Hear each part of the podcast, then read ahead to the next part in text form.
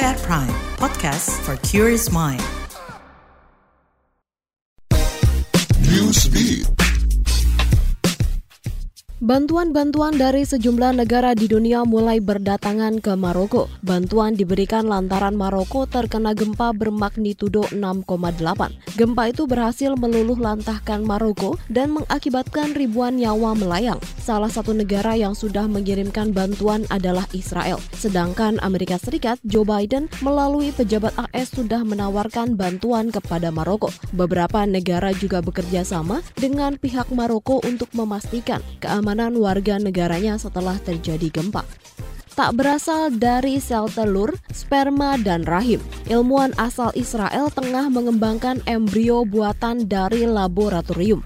Para peneliti dari The Weizmann Institute of Science mengungkapkan embrio manusia ditumbuhkan melalui sel punca, di mana mereka mengeklaim pelepasan hormon yang sesuai mampu membuat tes kehamilan berubah jadi positif. Ini dilatari embrio yang dikembangkan serupa dengan karakteristik embrio berusia 14 hari.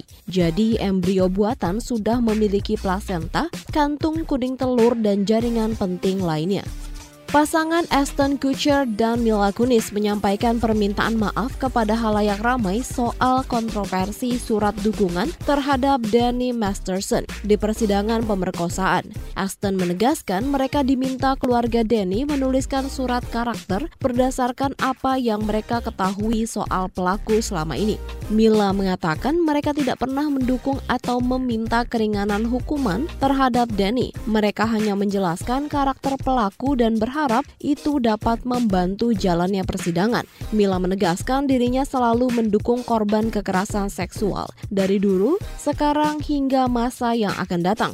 Aston dan Mila juga meminta maaf apabila surat itu mendatangkan trauma, kekecewaan, dan menyakiti para korban. Danny Masterson sendiri dihukum 30 tahun penjara atas kasus pemerkosaan lebih dari satu korban.